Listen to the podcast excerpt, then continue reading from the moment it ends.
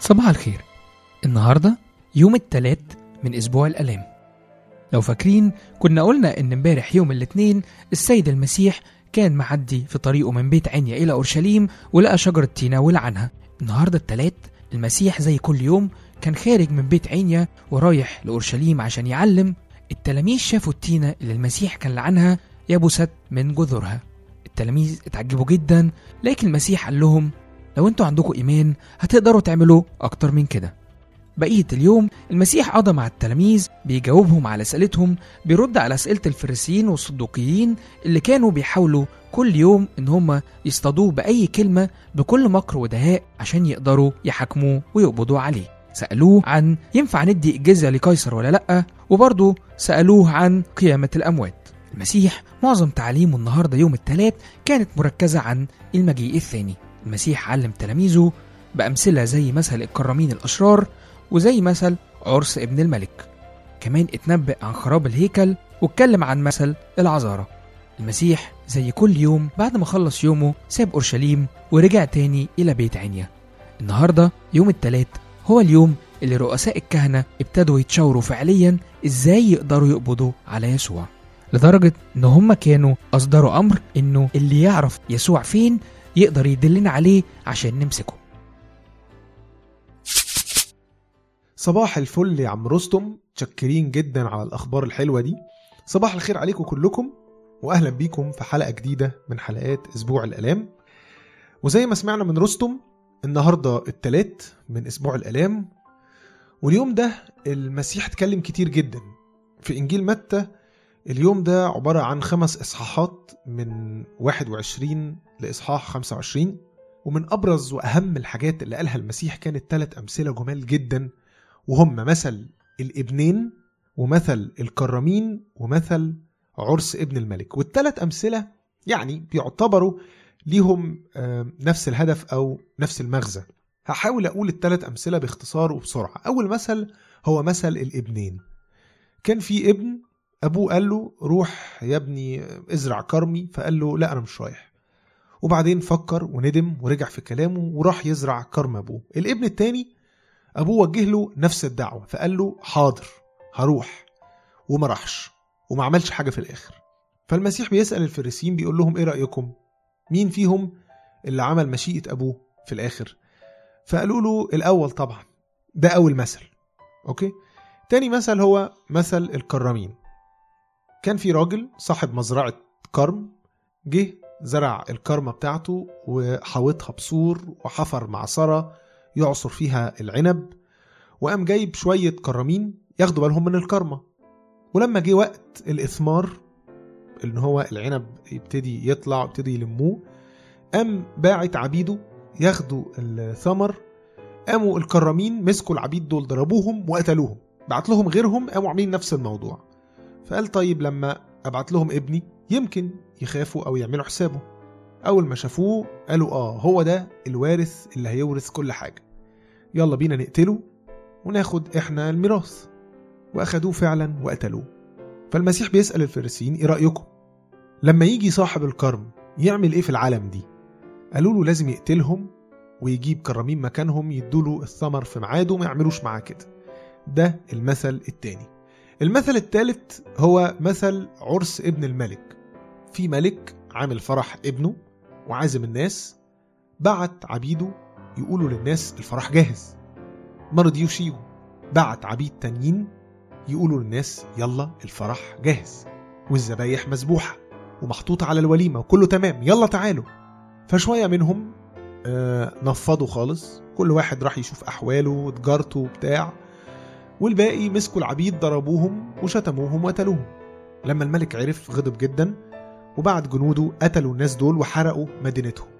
وبعت عبيده قال لهم روحوا لمفارق الطرق وكل اللي تلاقوه في وشكم هاتوه وادعوه يحضر العرس. وفعلا هو ده اللي حصل. لكن لما جه الملك لقى واحد مش مستعد مش لابس لبس العرس. فسأله أنت ليه مش لابس لبس العرس؟ ما ردش عليه. فأمر الملك إن هم ياخدوه ويطرحوه في الظلمة. هناك يكون البكاء وصرير الأسنان وهو ده المثل الثالث الثلاث أمثلة متشابهين جدا. في مثل الابنين الاتنين اتوجه لهم دعوة من أبوهم إن هم يزرعوا الكرم واحد رفض الدعوة لكن في الآخر ندم وفكر وقبل الدعوة ونفذها. التاني قبل الدعوة من الأول لكن ما نفذهاش ما عملش حاجة. ودول بيرمزوا للشعب اليهودي اللي قبل دعوة ربنا ليهم في البداية.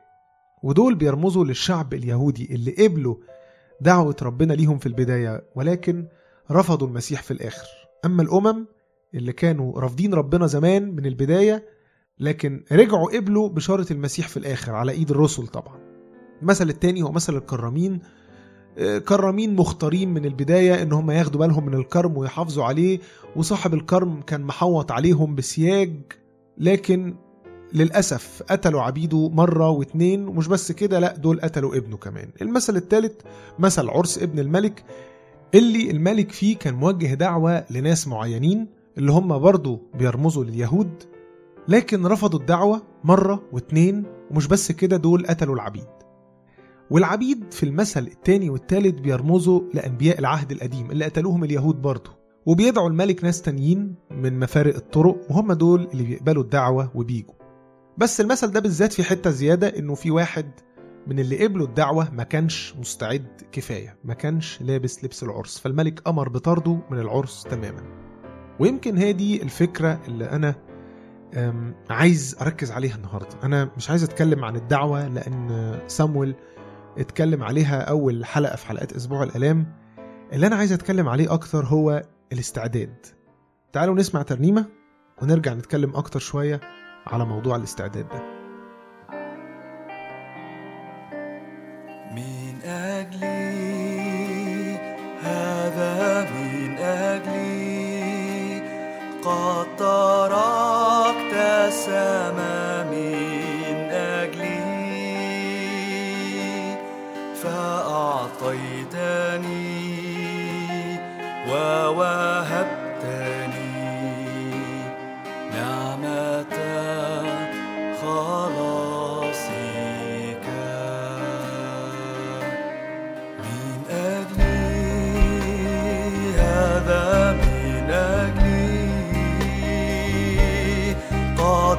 andai tak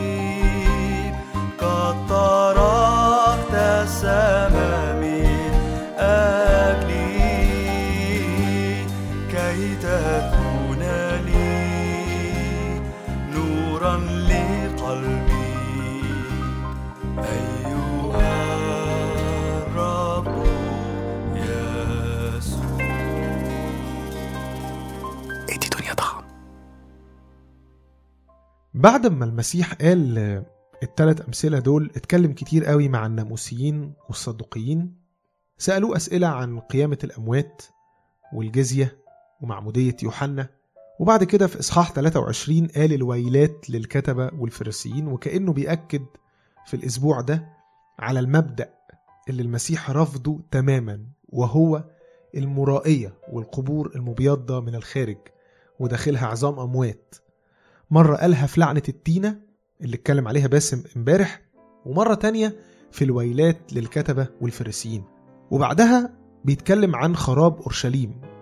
ولو فكرنا في كل ده مع بعضه الأمثلة الثلاثة وويلات الكتبة والفريسيين وخراب أورشليم بالذات في الأسبوع اللي هو بيستعد عشان يقدم نفسه ذبيحة عشان كل البشرية المسيح حزين على شعبه اللي مش قابل خالص الفداء العظيم اللي هو هيقدمه الأسبوع ده. وبيحاول يحذرهم ويقول لهم يا جماعة أنتم مدعوين بس للأسف أنتم مش عايزين تقبلوا الدعوة. بعد كده المسيح بيتكلم عن الاستعداد بصورة عميقة وجميلة جدا بداية من آخر الإصحاح ال 24 من إنجيل متى. بيتكلم عن العبد الأمين. وخلوا بالكم إنه بيبتدي يتكلم عن الاستعداد بوضوح كده بعد لما اتكلم كتير عن علامات المجيء التاني ونهاية الأزمان اللي من ضمنها الحروب والأوبئة والزلازل الحاجات اللي بتحصل دلوقتي وممكن يكون بقالها كتير بتحصل كمان سنين يعني مئات السنين. عشان كده العلامات دي ملهاش زمن محدد ممكن كل واحدة تاخد حقبة زمنية كبيرة ومش ده المهم أصلا. المهم إنه بعد لما المسيح بيجيب سيرة الكلام ده بيكلمنا عن الاستعداد. والسهر. عايز أقرأ معاكم الحتة بتاعة العبد الأمين حتة في منتهى الجمال. تعالوا نقراها مع بعض في متى 24 أعداد من 43 ل 51 وأعلموا هذا أنه لو عرف رب البيت في أي هزيع يأتي السارق لسهر ولم يدع بيته ينقب. لذلك كونوا أنتم أيضا مستعدين لأنه في ساعة لا تظنون يأتي ابن الإنسان. فمن هو العبد الأمين الحكيم الذي أقامه سيده على خدمه ليعطيهم الطعام في حينه؟ طوبى لذلك العبد الذي إذا جاء سيده يجده يفعل هكذا. الحق أقول لكم أنه يقيم على جميع أمواله. ولكن إن قال ذلك العبد الرديء في قلبه سيدي يبطئ قدومه فيبتدئ يضرب العبيد رفقاؤه ويأكل ويشرب مع السكارة يأتي سيد ذلك العبد في يوم لا ينتظره وفي ساعة لا يعرفها فيقطعه ويجعل نصيبه مع المرائين. هناك يكون البكاء وصرير الأسنان. ولو تاخدوا بالكم هو نفس اللي قاله على العبد اللي ما كانش لابس لبس العرس في المثل الثالث اللي قاله المسيح بتاع عرس ابن الملك. قال برضو اطرحوه في الظلمة الخارجية هناك يكون البكاء وصرير الأسنان. وواضح إنه عدم السهر أو عدم الاستعداد ده مش مجرد هفوة أو غلطة أو ساعة شيطان زي ما بيقولوا لكن ده اتجاه أو أسلوب حياة. يعني العبد اللي لقى سيده هيبطئ في قدومه فاخد اتجاه تاني ابتدى يضرب زمايله يسكر وياكل وخلاص رمى المسؤولية تماما. مش غلط غلطة أو نسي حاجة لأ ده اتجه اتجاه مختلف تماما. وبعد المثل ده بيقول لنا المثل اللي كلنا عارفينه وبنحبه اللي هو مثل العذارى الحكيمات والعذارى الجاهلات. وده في متى؟ إصحاح 25 أعداد من واحد ل 13 والمسيح قال المثل ده تكملة لفكرة الاستعداد والسهر. تعالوا نقرأ المثل مع بعض. حينئذ يشبه ملكوت السماوات عشر عذارى أخذنا مصابيحهن وخرجنا للقاء العريس. وكان خمس منهن حكيمات وخمس جاهلات أما الجاهلات فأخذنا مصابيحهن ولم يأخذن معهن زيتا. وأما الحكيمات فأخذنا زيتا في آنيتهن مع مصابيحهن وفيما أبطأ العريس نعسنا جميعهن ونمنا. ففي نصف الليل صار صراخ وذا العريس مقبل فاخرجنا للقائه.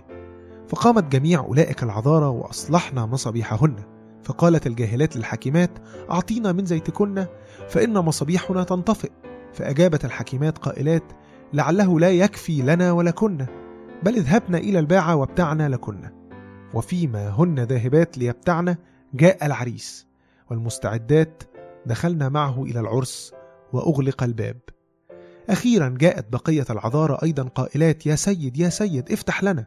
فأجاب وقال الحق أقول لكن إني ما أعرفكن فاسهروا إذا لأنكم لا تعرفون اليوم ولا الساعة. التي يأتي فيها ابن الإنسان. المثل ده بصراحة غني جدا بالمعاني والرموز. المسيح في المثل ده اعتمد على عادة يهودية كانوا اليهود متعودين عليها وهي إن العريس بيجي مع أصحابه وبياخد عروسته وأصحابها العذارى اللي معاهم شوية مصابيح منورة علشان كده زي ما تقولوا يعني بيزفوها. زي ما قلت لكم المثل ده مليان رموز بس أكتر حاجة المثل ده بيشير ليها هي حياة الاستعداد الدائمة. تعالوا نسمع ترنيمة وبعد كده هرجع مع ضيف مشرفنا النهاردة في ملاحة. هنتكلم شوية على فكرة الاستعداد وشوية معاني جوه المثل ده. أشوفكم كمان شوية.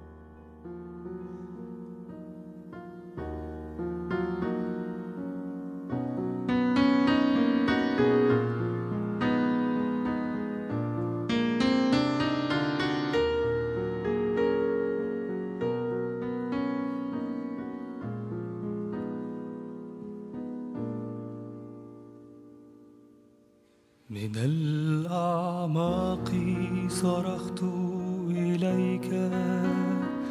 يا سيدي استمع صوتي. لتكن أذناك مصغيتين. إلى صوتي تضرعي. إن كنت للأثام من يقف أمامك فإن عند الرب الرحمة وهو يفتديك من جميع أثامك. إن عنده المغفرة والحنان.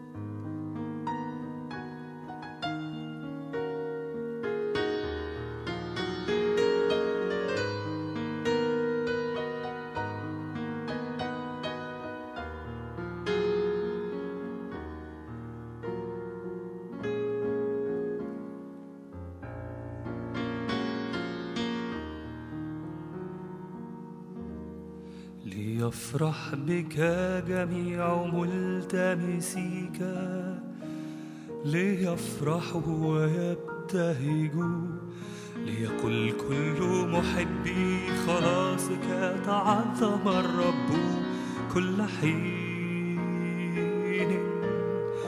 إني فقير مسكين فأسرع إلي يا إلهي. نصرتي أنت مخلصي وإليك صلاتي. أنت وحدك صخرتي وملجاي انتظرت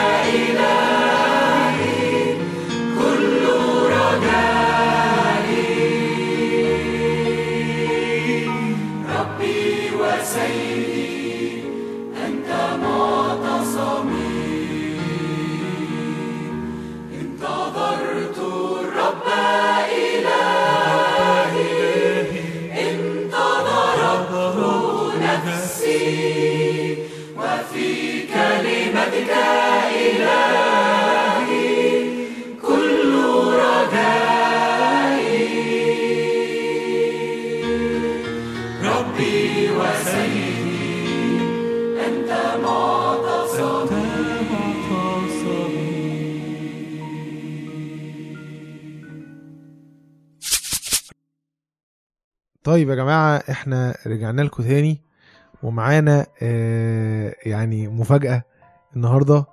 معانا آه يوسف بي ولاء. إزيك يا يوسف بي؟ بص هنتفق اتفاق الأول؟ أي حروف غلط؟ أيوه. أي حرف يتنطق غلط مش عارف إيه كده. هسيبه زي ما هو مش هعمل له edit okay. إزيك يا زيزو؟ إزيك يا يوسف وحشني. وأنت كمان. منور الدنيا. حبيبي. خلاص. ها. آه طيب يعني أنا كنت عايز أتكلم معاك شوية أو كنا عايزين نتناقش شوية في موضوع الاستعداد آه يعني الأسبوع ده كله أو سوري اليوم ده كله يوم الثلاث بيتكلم عن أمثلة بدايتها هي أمثلة آه إنه ربنا بيدعو الكل. في ناس بتقبل الدعوة في ناس ما بتقبلش الدعوة وفي الآخر قال مثلين ليهم علاقة بالاستعداد. فيعني كان نفسي أعرف أنت شايف الموضوع ده إزاي؟ يعني إيه هو الاستعداد؟ إزاي نستعد؟ إيه دخل الاستعداد بتاع المثلين الأخرانيين بقبول الدعوة بتوع المثلين الثلاث أمثلة الأولانيين؟ قول لي كده الدنيا ماشية إزاي معاك؟ تعال نتكلم في القصة دي. ماشي. طب ما تسالني طب أنا سالت طيب ماشي. آه، بص طب تعالى نبتدي كده من الأول على موضوع الدعوة مبدئيا. يعني هو ما قالش حاجة مختلفة عن العذارة مثلا مم. يعني 10 عذارة هم قال إن هم 10 عذارة. وكلهم معاهم مصابيح. كلهم زي بعض مم. الفرق بس مثلا كان في موضوع الزيت. ف... فبنتكلم على الدعوة هم كلهم الدعوة. بتاعتهم واحدة. ومفيش فرق ما بينهم خالص مم. نفس الكلام برضو على الناس الدعوة بتاعت العرس دي مم. نفس الحكاية هو دعا الناس مم. مم. بس في ناس قبلت الدعوة وفي ناس ما قبلتش مم. بس. ففكرة الدعوة ال... الواحدة دي بتبين إنه فعلا ربنا دعوته واحدة لكل الناس مش مش لناس معينة مش مش مثلا في ناس أر هم مميزين جدا فخلاص ربنا هيدعوهم لا هو دعا كل الناس كلهم. كانوا عذارى. كلهم كانوا معاهم مصابيح. بس ده بالنسبة للدعوة يعني.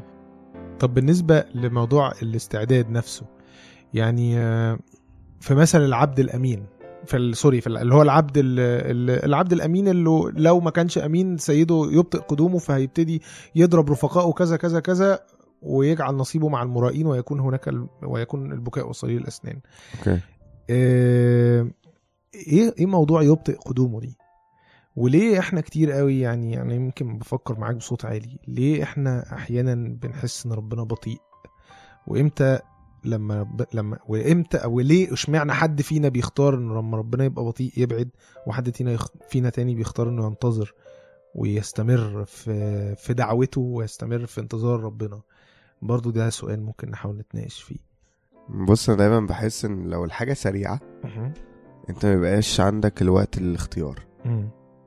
فلو الحاجة سريعة. خلاص أنا مش مش هعرف أختار أو مش.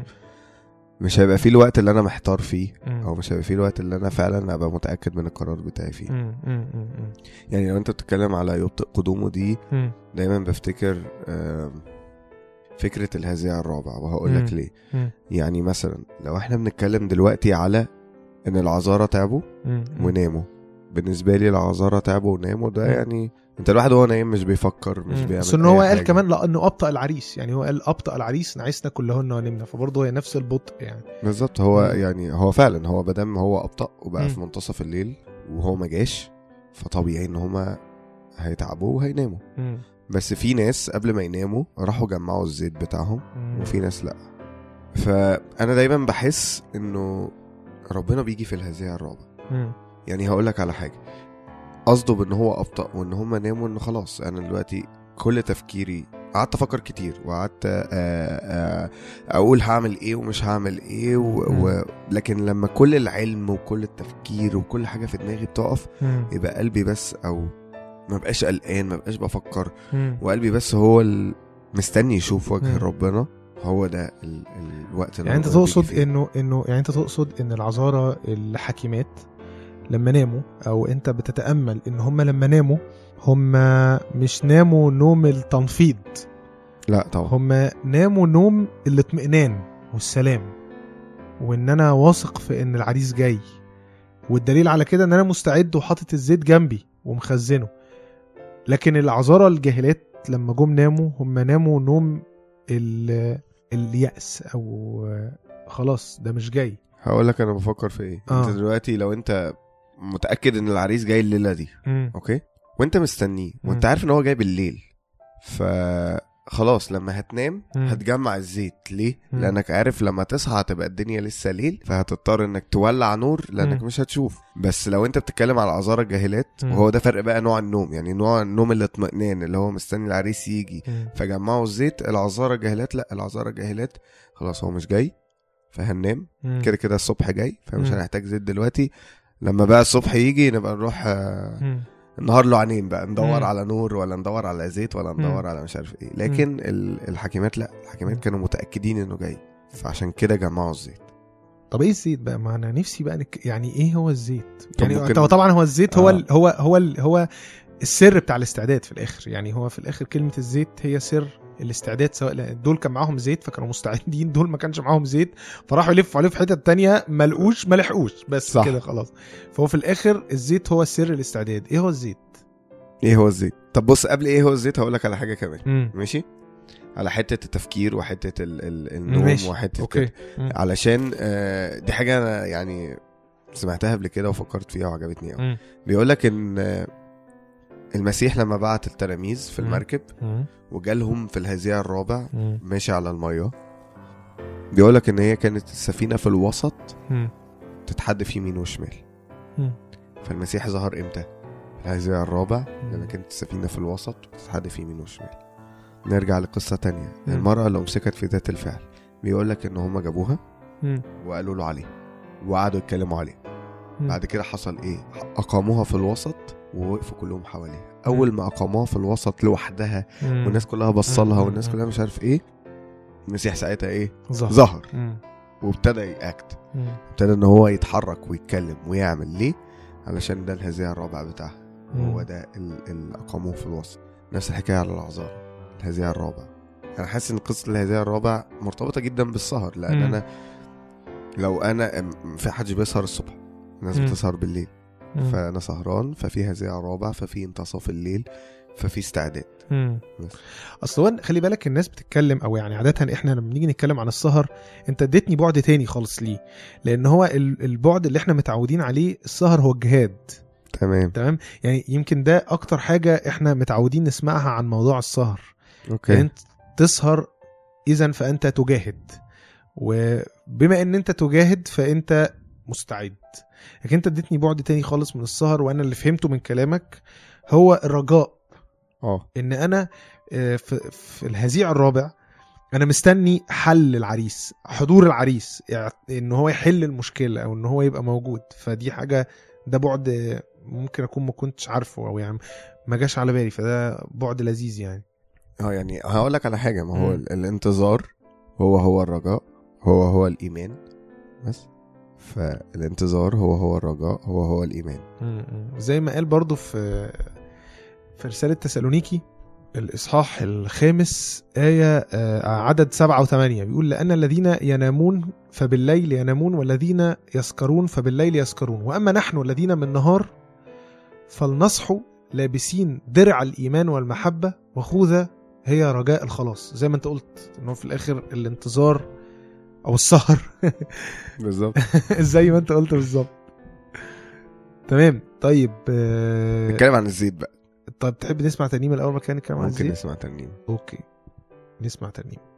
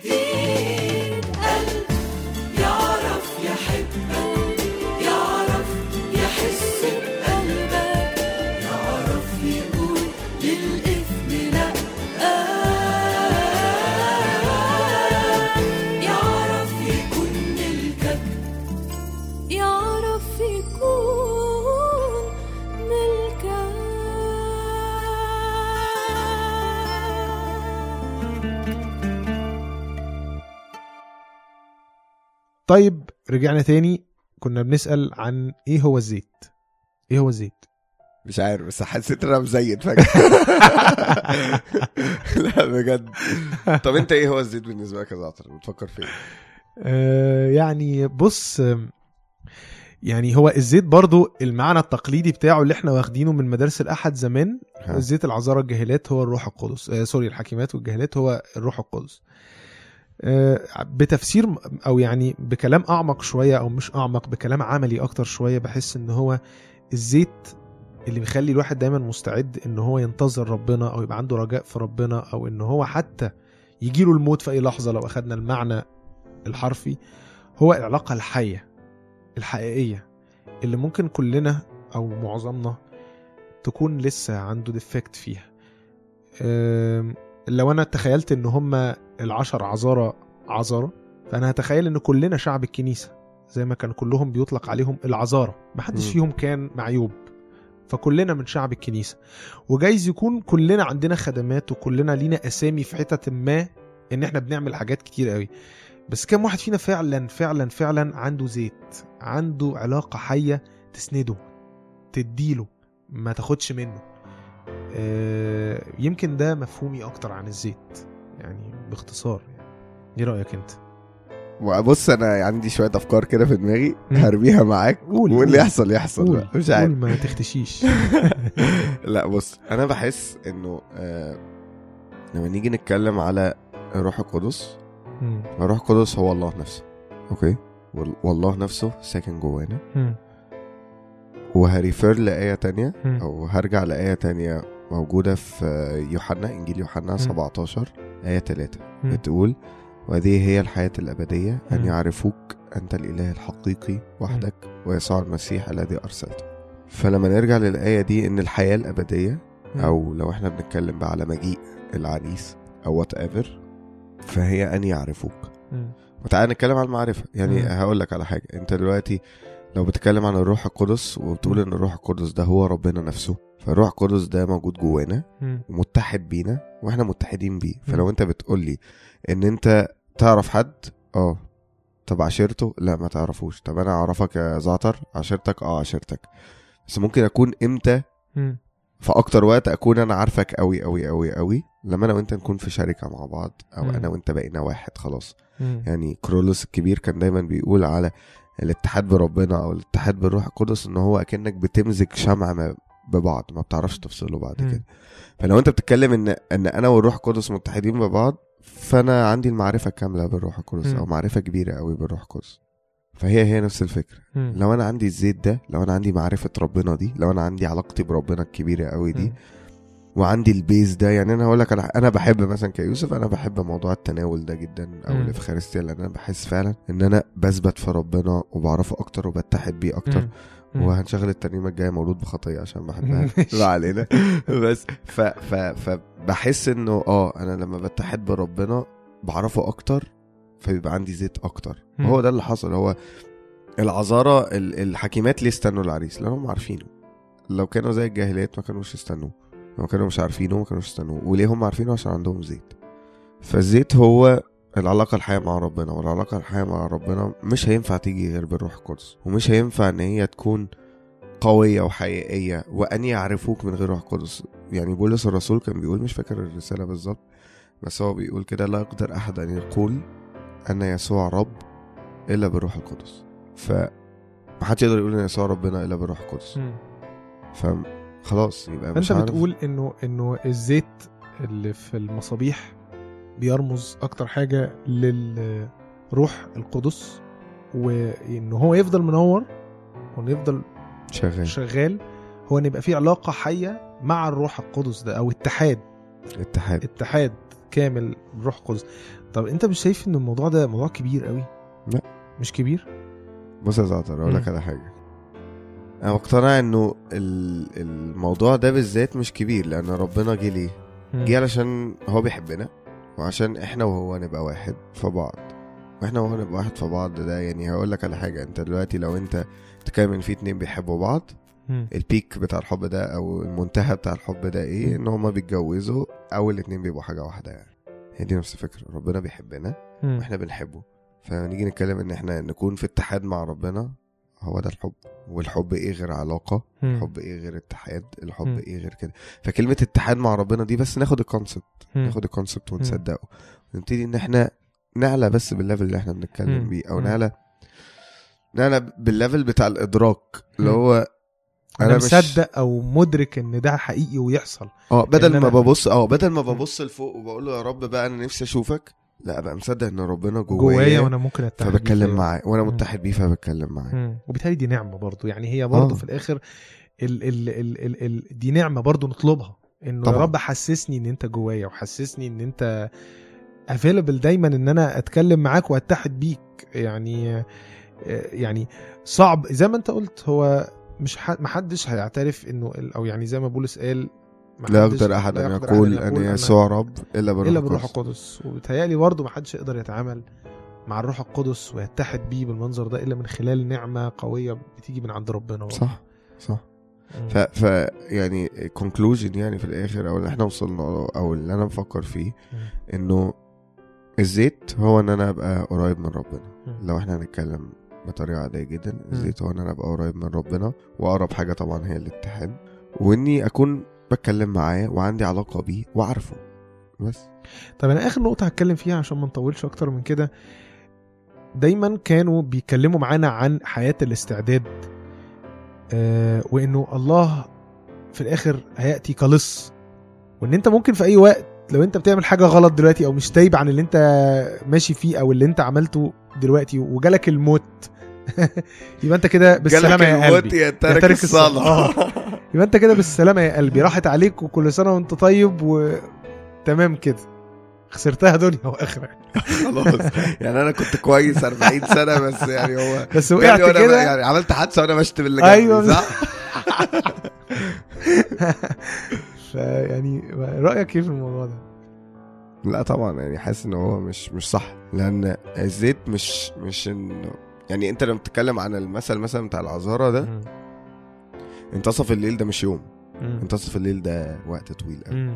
يعني وقت طويل مش مش يوم مش الزمن بتاعنا أصلا مم. الزمن بتاع ربنا اللي إحنا مش عارفين هو إيه بس طبعا لأ مش هيحصل كده مش مم. هيحصل إن أنا يبقى اتجاهي إن أنا بعرف ربنا أنا بقول لك هذه هي الحياة الأبدية أن يعرفوك أنت الإله الحقيقي وحدك. يسوع المسيح الذي أرسلته مم. لو أنا مش هعيش الحياة الأبدية دي أو مش هبتدي أعرف ربنا فمش هعيش الحياة الأبدية بس أنا بعرف ربنا وبغلط ما كلنا بنغلط يا عم في مم. إيه يعني معلش هو كل الناس يعني اللي ماتت يعني ما في ناس ماتت وهي whatever بقى بتعمل خطية إيه الناس دي. خلاص ما راحتش السما يعني علشان مم. سقطت السقطة دي بتهيألي إن كل واحد فينا بيبقى عارف إذا كان هو فعلا امين في علاقته مع ربنا وبيغلط وبيسقط ولا اتجاهه أصلا يعني الصديق. يسقط سبع مرات ويقوم بالظبط. يعني مم. يعني هي كده بعدين هقول لك آية تانية مم. بتقول لا دينونة الآن على الذين هم في المسيح يسوع.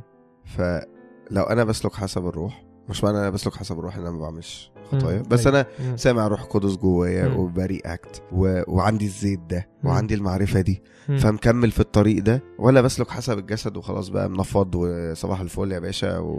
وعايش حياتي وخلاص في فرق ما بين الاتنين. وأنت بتبقى عارف إذا كنت أنت ماشي كده ولا. ماشي كده فأنا في اعتقادي وربنا يستر. إنه إحنا كناس أو أي حد بيحب ربنا وأي حد نفسه يعيش مع ربنا وبيحاول وعنده علاقة مع ربنا واتجاهه ناحية ربنا وربنا مالي حياته ومالي فكره ومالي قلبه مش هيعدي على دينونة أصلا. مش هيعدي على دينونة. ليه؟ لأنه جوه المسيح. هنرجع لفكرة الاتحاد تاني. هو. جوه المسيح خلاص. في آية بتقول من يغلب سأعطيه أن يجلس معي في عرشي دي موجودة في سفر الرؤيا إصحاح 3 آية 21 ف يعني إيه يجلس معي في عرشي يعني هكون في المسيح. يعني. هكون أنا جوه المسيح متحد بالمسيح متحد بيه بالروح القدس.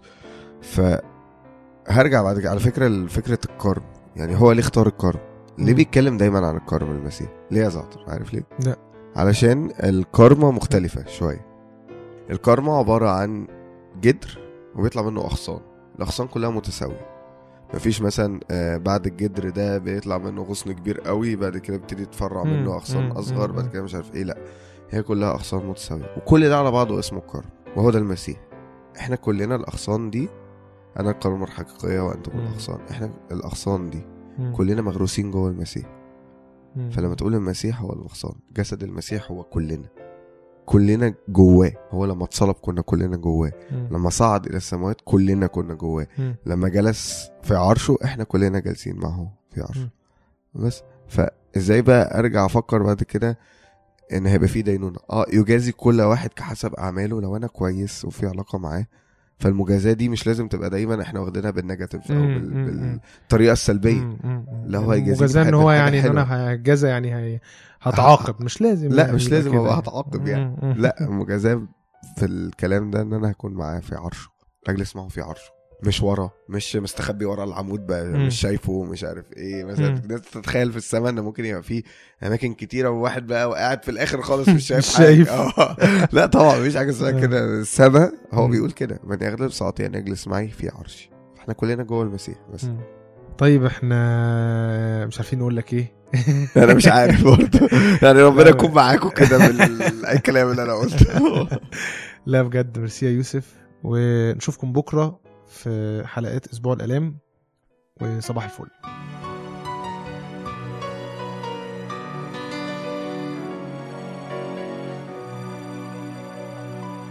وانا هناك عند الصليب شفت منظر شكله غريب